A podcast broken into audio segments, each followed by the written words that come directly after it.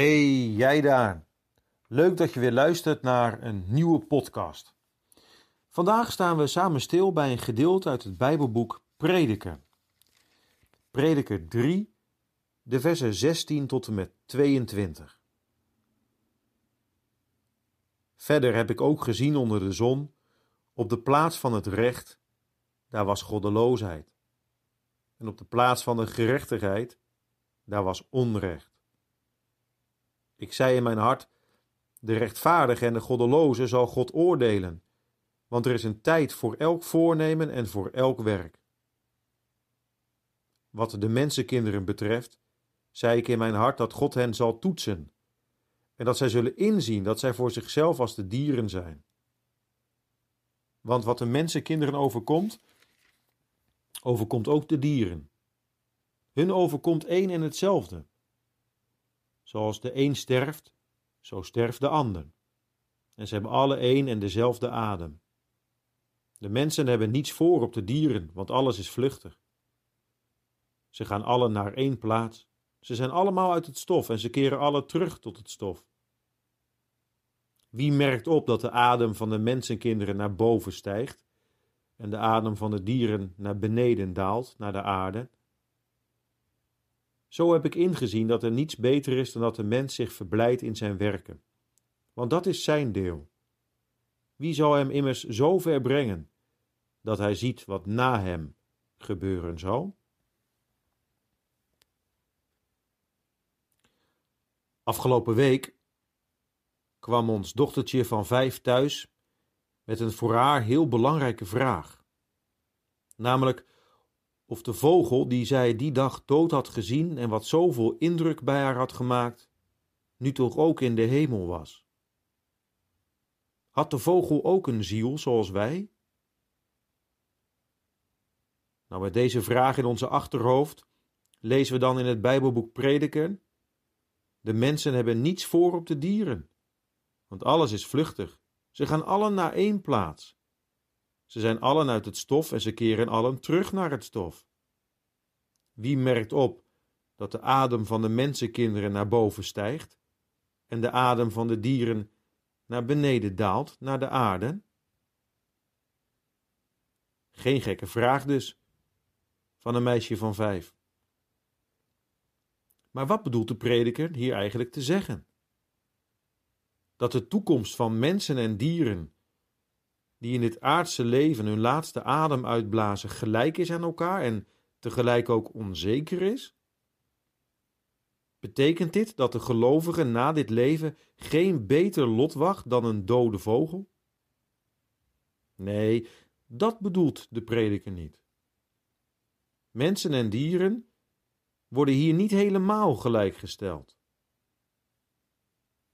Het gaat erom dat mensen en dieren één adem hebben. En wat dat betreft zijn er heel veel overeenkomsten tussen mensen en dieren. Ze worden allebei geboren, ze leven een tijdje en sterven dan weer. Ze gaan allemaal naar één plaats, naar het graf. Beide zijn stof en keren weer terug tot stof. Met andere woorden, als je zo eens kijkt naar mensen en dieren, naar wat je ziet, ja, dan is er eigenlijk niet zoveel verschil. Geen mens kan waarneembaar vaststellen dat bij het uitblazen van de laatste adem de geest van de mens tot voor Gods troon verschijnt en de geest van de dieren niet. De vraag die de prediker stelt, hè, wie merkt op dat de adem van de mensenkinderen naar boven stijgt en de adem van de dieren naar beneden daalt, naar de aarde, dat is een, eigenlijk een soort raadsel. De prediker wil ons door die vraag aan het denken zetten. Hij wil ons aan het denken zetten over het feit dat wij mensen Gods plannen en zijn bedoelingen vaak niet kunnen doorgronden. De dingen in het leven kunnen in, in werkelijkheid voor ons mensen zo ondoorzichtig en onbegrijpelijk zijn. Denk aan al het onrecht wat er in de wereld is. Hoe zit dat nu? Waarom doet God daar niets aan?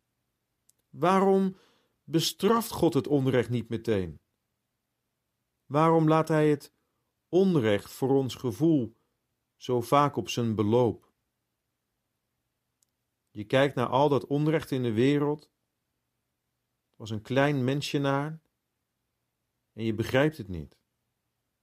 Nee, inderdaad, wie merkt op dat de adem van de mensenkinderen naar boven stijgt en de adem van de dieren naar beneden daalt, naar de aarde?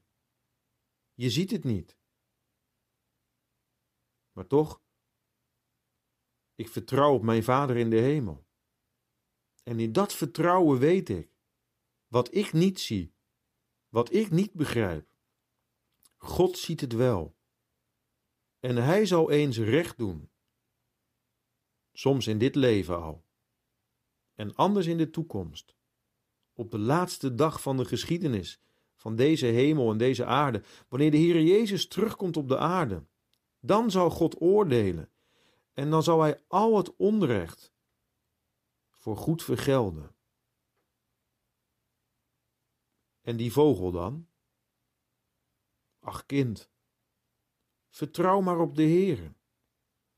En dan zal jij eens bij Hem mogen zijn.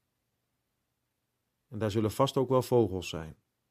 Op de nieuwe hemel en de nieuwe aarde, waar dan geen onrecht meer zal zijn en ook geen dood, dankzij de Heere Jezus Christus. Zullen we samen bidden? Heere God in de hemel, wij komen tot U in ons gebed, U die alles ziet, U die alles bestuurt. Wij zijn maar kleine mensen en in heel veel opzichten verschillen wij niet van de dieren. er gebeuren zoveel dingen in dit leven die wij niet begrijpen, zoveel onrecht ook. Maar heren, u ziet alles, u regeert alles. En u zult eens al het onrecht vergelden. Heer, dank u wel daarvoor. Dat we zo in vertrouwen ook leven mogen. Dat we zo ons werk mogen doen, onze taken mogen uitvoeren in het vertrouwen dat u eens alles nieuw zal maken. Heer, wilt u ons geloof versterken, dat we vertrouwen op u, zodat we eens voor u mogen staan en met u mogen leven op de nieuwe hemel en op de nieuwe aarde. We vragen u dit om Jezus wil alleen. Amen.